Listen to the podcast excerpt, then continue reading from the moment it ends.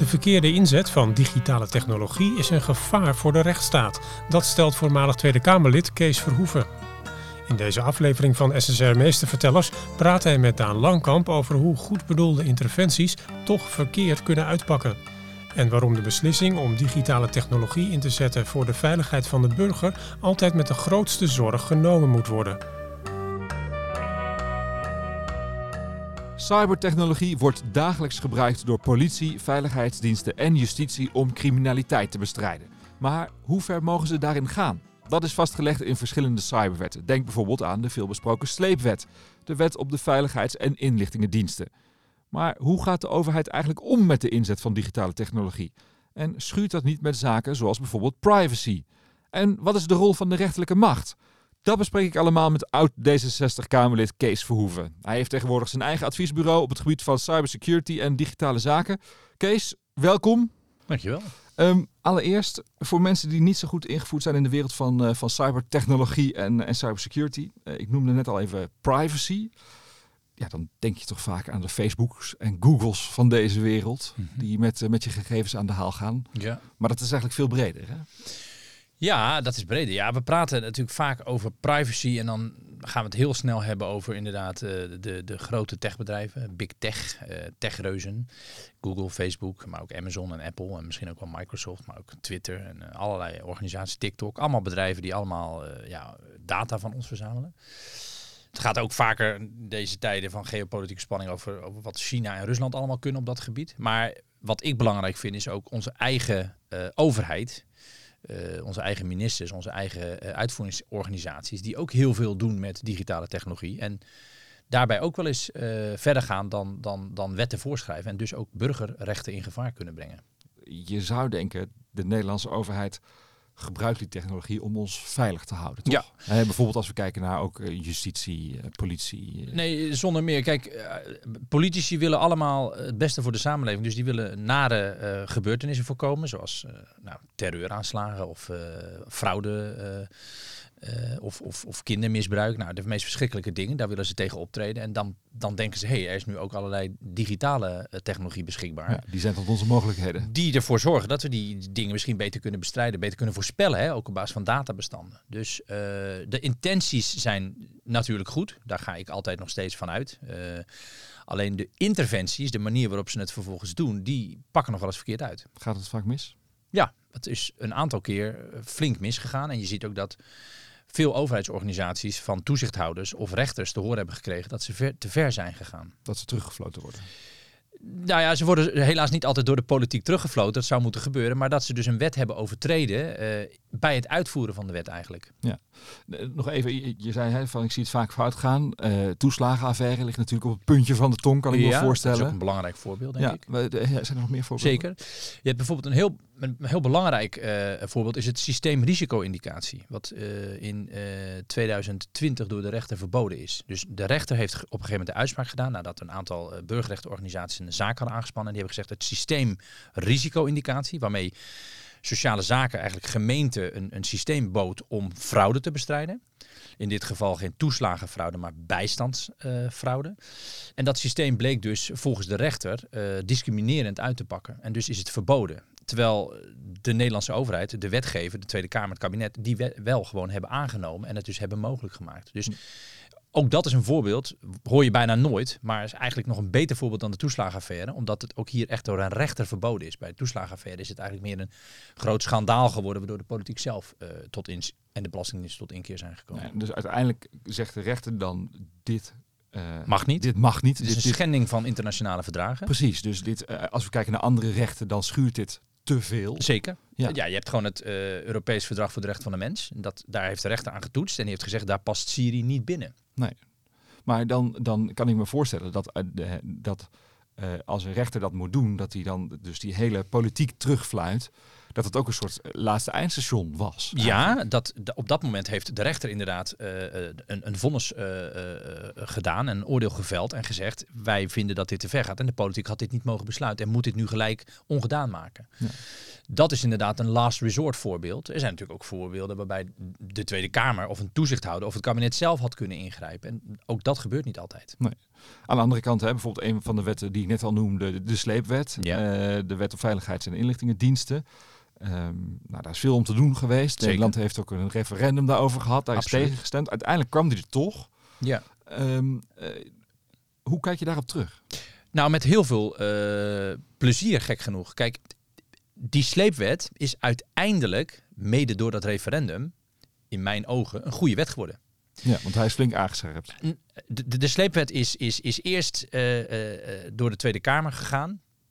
Ik zat toen bij D66 in de Tweede Kamer. Ik stemde tegen. Maar eh, vervolgens eh, hebben we eh, over die wet gepraat toen die al aangenomen was. In het regeerakkoord nog een paar dingen opgeschreven. Maar op een gegeven moment zeiden mensen van nee, we willen hier een referendum over. En in dat referendum heeft uiteindelijk een merendeel van de Nederlandse bevolking gezegd wij vinden deze wet niet goed. Vervolgens heeft het kabinet de wet aangescherpt. Ja, meer checks en balances. Meer controle, sterker toezicht, meer eisen aan de diensten. En daardoor was die wet uiteindelijk in balans. Dus ik kijk er op terug op een gevoel van, nou, die wet is nu in ieder geval een voldoende. En die heeft ervoor gezorgd dat een aantal dingen eh, eh, zeg maar zo, zodanig worden ingeperkt dat, dat de balans is tussen privacy en veiligheid.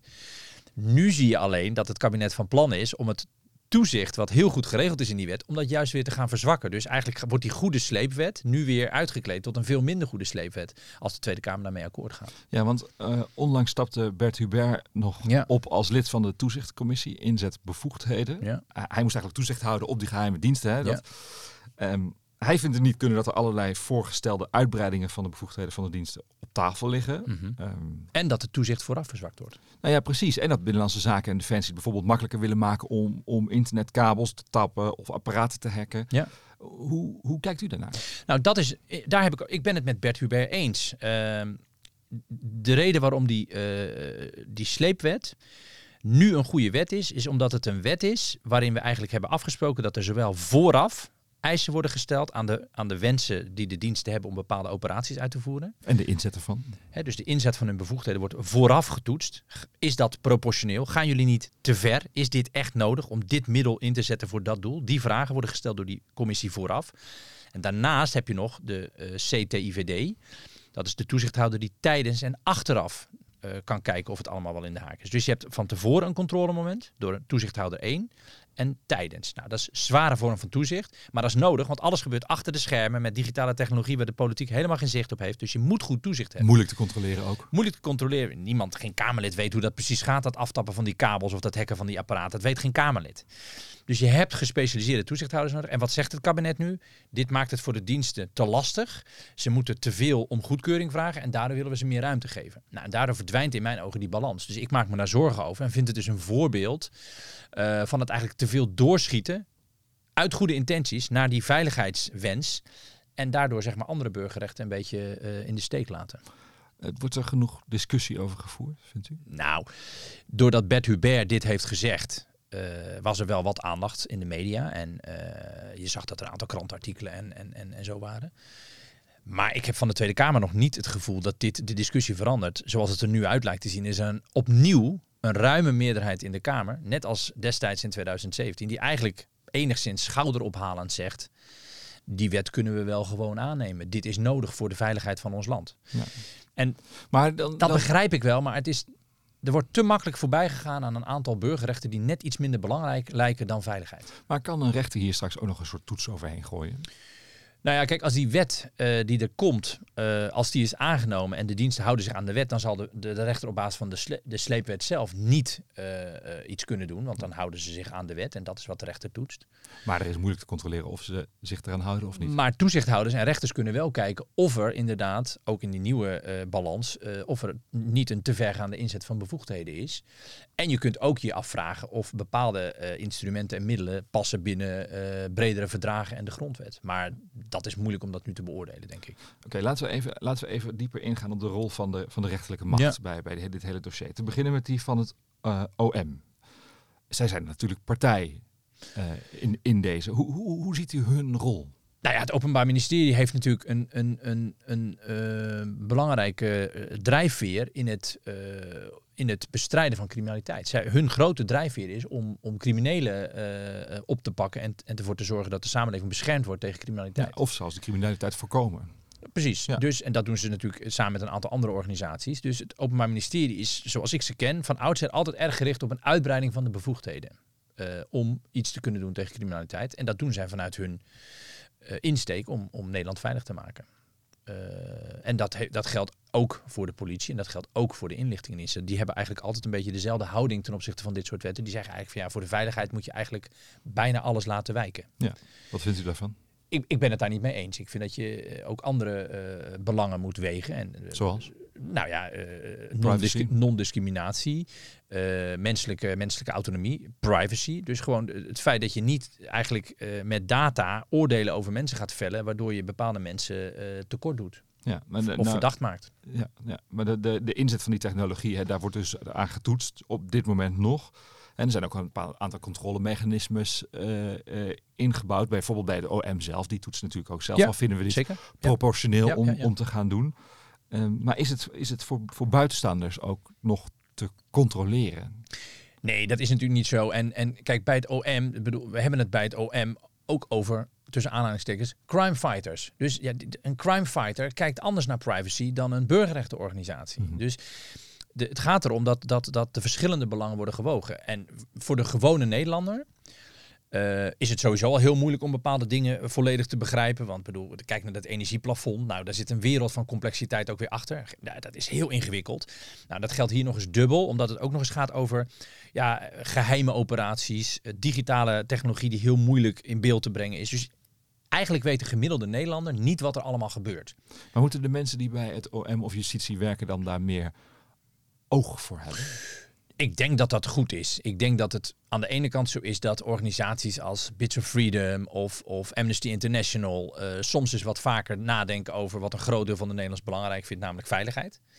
En ik denk dat aan de andere kant eh, eh, de, de, de veiligheidsketen in Nederland ook wel wat meer eh, oog en gevoel mag hebben voor belangen als privacy en, en, en non-discriminatie en het niet verdacht maken, onschuldpresumptie en ook het legaliteitsbeginsel, om maar even een aantal belangrijke termen te noemen, die, die eigenlijk de fundamenten vormen van onze rechtsstaat. Hè? Dus het, het legaliteitsbeginsel wil zeggen dat je alleen iets mag doen als overheid als er een wet onder ligt. Onschuldpresumptie wil zeggen dat je alleen maar iemand mag beschuldigen als er harde feiten zijn die in die richting wijzen. En niet op basis van bijvoorbeeld een vage data-uitkomst. Met vooringenomenheid daarbij. Dus je moet heel erg zorgvuldig zijn met die technologie om die balans tussen die verschillende waarden overeind te houden. Is het dan van belang dat er meer transparantie over komt? In, in wat voor vorm dan ook? Naar journalisten, naar NGO's, naar eh, Kamerleden? Eh, voor een deel is transparantie nodig. Om een voorbeeld te noemen, de, de politie heeft ook een hekbevoegdheid. Die is ook weer in een andere wet vastgelegd. Dat is dan de hekwet. Ook, ook daar heeft de Kamer in meerderheid destijds voor gezegd, gaan we doen. Die heeft mogelijk gemaakt dat de politie bij buitenlandse organisaties, bij buitenlandse bedrijven, hacksoftware kan kopen. Ja. Zoals bijvoorbeeld die Pegasus software, die spyware waarmee in Europa allerlei politici zijn afgeluisterd. Ja, Israëlisch, eh, van een Israëlisch Eh, bedrijf. Van een vrij schimmig Israëlisch bedrijf. En de politie is niet helder, is niet open, is niet transparant tegen journalisten of Kamerleden over het wel of niet gebruiken van die specifieke hacksoftware. Nou, dat Moet- is een, ge- een gebrek aan transparantie. Maar moet dat dan niet, eh, moet daar ook niet aan de voorkant al veel beter over nagedacht worden? Over Ja. hoe transparant moeten we hierover zijn? Ja. Moeten de instanties hierover zijn? Ja, maar dat is, kijk, bij de sleepwet is dat dankzij dat referendum. En, en dankzij die discussie die er eigenlijk al lang over was, is dat wel gebeurd. De sleepwet is uiteindelijk dus ook een wet die dus redelijk in balans is gekomen. Maar bijvoorbeeld die hackwet, daar heeft de Kamer niet voldoende nagedacht over het feit dat de politie dus gewoon hacktools bij bedrijven gaat kopen. Dus daar is de, de discussie vooraf ook niet goed genoeg geweest. Ja. En dan nog even naar de, naar de rol van de zittende macht. Ja. Eh, de rechters. Hoe, Ja. hoe ziet u hun rol? Nou ja, zij hebben natuurlijk een hele belangrijke rol. A, omdat ze in verschillende wetten ook opgevoerd worden als, als organisatie die, die goedkeuring moet geven hè, aan bepaalde keuzes. Dus soms moet de rechtbank Den Haag iets, iets wel of niet goedkeuren. Dat staat dan in de wet genoemd als een toetsende eh, eh, eh, organisatie. En daarnaast kunnen rechters natuurlijk altijd uitspraken doen over de, de wijze waarop het handelen van de overheid zich verhoudt tot internationale verdragen, maar ook de grondwet of andere wetten. Eh, en dat doen ze natuurlijk samen met toe- toezichthouders. Ik bedoel, als het gaat om de, de, de AVG, hè, de Europese Privacywet, ja, dan is de autoriteit persoonsgegevens de eerste aangewezen om daar iets over te zeggen. Maar ja, als die niet gehoord worden, ja, dan kan op een gegeven moment een rechter een uitspraak doen en zeggen, ja, op basis van de AVG is wat hier gebeurt niet, eh, niet in de haak. En eh, is, is de kennis over dit soort technologieën Ehm, hè, want eh, de, de, rechtbank in Den Haag bijvoorbeeld, die moet zich daar dus enorm in verdiepen. Eh, die Ja. hebben daar dus ook een bepaalde kennis over opgebouwd. Eh, is, die, is die genoeg? Is die, Ik denk dat er ehm, de afgelopen 10, 15, 20 jaar een enorme groei aan kennis is geweest. Ik denk dat bij de rechterlijke macht een bewustwording is gekomen die, die in, in- hè, met het inzicht, we moeten hier ons in, in gaan verdiepen. We moeten onze kennis hierin gaan vergroten. Maar ik denk dat het nog steeds een heel lastig onderwerp is en dat er ook veel rechters bij zijn die hier nog niet zoveel verstand van hebben. ja. Het is natuurlijk ook een, eh, een, een, een, een onderwerp wat non-stop in ontwikkeling is. Ja, alleen dat vind ik ook altijd nog een verraderlijke. We zeggen wel eens van ja, die technologie gaat zo snel, dat kunnen de overheden en de rechters niet bijhouden. Dat klinkt als een eh, aannemelijk eh, verhaal. ja. Dus lopen ze altijd achter de feiten aan, hoorde ik dan altijd. Maar de vraagstukken op het gebied van de, de waarden, die zijn eigenlijk steeds hetzelfde. Of het nou om de metaverse gaat, of om eh, eh, eh, big data, of om algoritmes. ehm, of om eh, allerlei andere technologieën waarmee je mensen kan volgen, zoals cookies. Elke keer gaat de discussie over de balans tussen verschillende waarden. En dat er dan weer een nieuwe technologie komt die die verschillende waarden op een bepaalde manier uit evenwicht brengt, is eigenlijk steeds wel eh, eh, eh, vergelijkbaar met de technologie daarvoor. Want steeds gaat het om de waarde, hoe ver gaan we indringen in de mensenlevens en hoe ver gaan we in het bestrijden van de veiligheid. En dat er dan steeds nieuwe technologieën bij komen, wil nog niet zeggen dat die discussie heel erg verandert. Dus ik denk dat rechters die technologieën enigszins moeten begrijpen. Maar je, je hoeft niet helemaal precies elke technologie helemaal te doorgronden om te weten precies. welk, welk gevolg voor de maatschappij er is. Ehm, als u nou gaat kijken naar de rechtsstaat in Nederland en, het gebied van de technologie, hoe, hoe staan we ervoor, vindt u? Ik denk dat de, de, de democratische rechtsstaat die wij zijn en waar we eh, eigenlijk al die eeuwen zo hard voor hebben gevochten, hè, na de Tweede Wereldoorlog, na de Koude Oorlog, hebben we toch eh, gezegd van nou, we willen eigenlijk een soort permanente stabiliteit in Europa en we willen graag een democratische rechtsstaat waar mensen aan de ene kant eh, via hun stem invloed hebben op de meerderheidsbesluitvorming, maar aan de andere kant we individuele burgerrechten beschermen. Ik vind dat die democratische rechtsstaat in het digitale tijdperk onder druk aan het raken is. Dus mijn stelling is eigenlijk dat digitale technologie en de verkeerde inzet daarvan, hoewel het dus op sommige gebieden echt terecht is, maar de verkeerde inzet van digitale technologie een gevaar is voor de rechtsstaat. Ja. En maakt zich daar zorgen over. Dat is de reden waarom ik Ja. ingegaan ben op deze uitnodiging en altijd op allerlei verschillende momenten probeer dit aan de, aan, de, aan de kaak te stellen.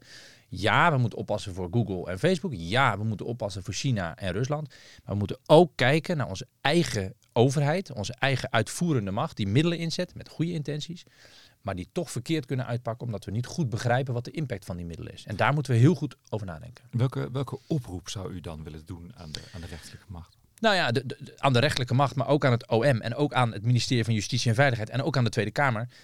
Verdiep je nou voldoende in de impact van die technologie? Zet hem niet te snel en overhaast in met het gevoel van als we meer weten, hebben we meer veiligheid. Maar bekijk gewoon heel erg goed wat wel proportioneel is en wat niet proportioneel is. En weeg dat af en blijf dat ook steeds afwegen. Dus neem niet die vanzelfsprekende veiligheid is goed, dus meer data helpt en is ook goed. Maar blijf gewoon ook nadenken over de gevolgen die het kan hebben voor kwetsbare groepen.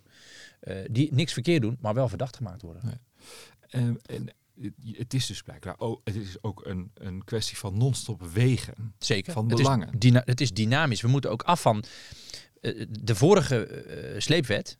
eh overigens, de sleepwet heet officieel de wet op de inlichting en veiligheidsdiensten. Maar ik ben het ook maar gewoon sleepnet gaan noemen.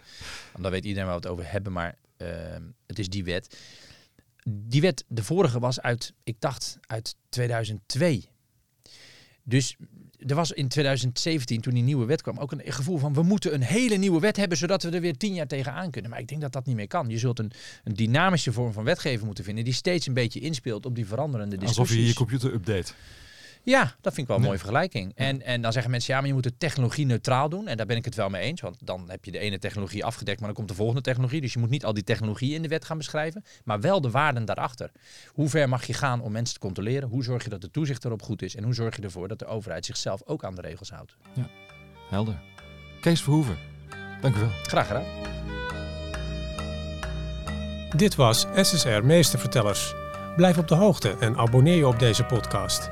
Graag tot de volgende keer.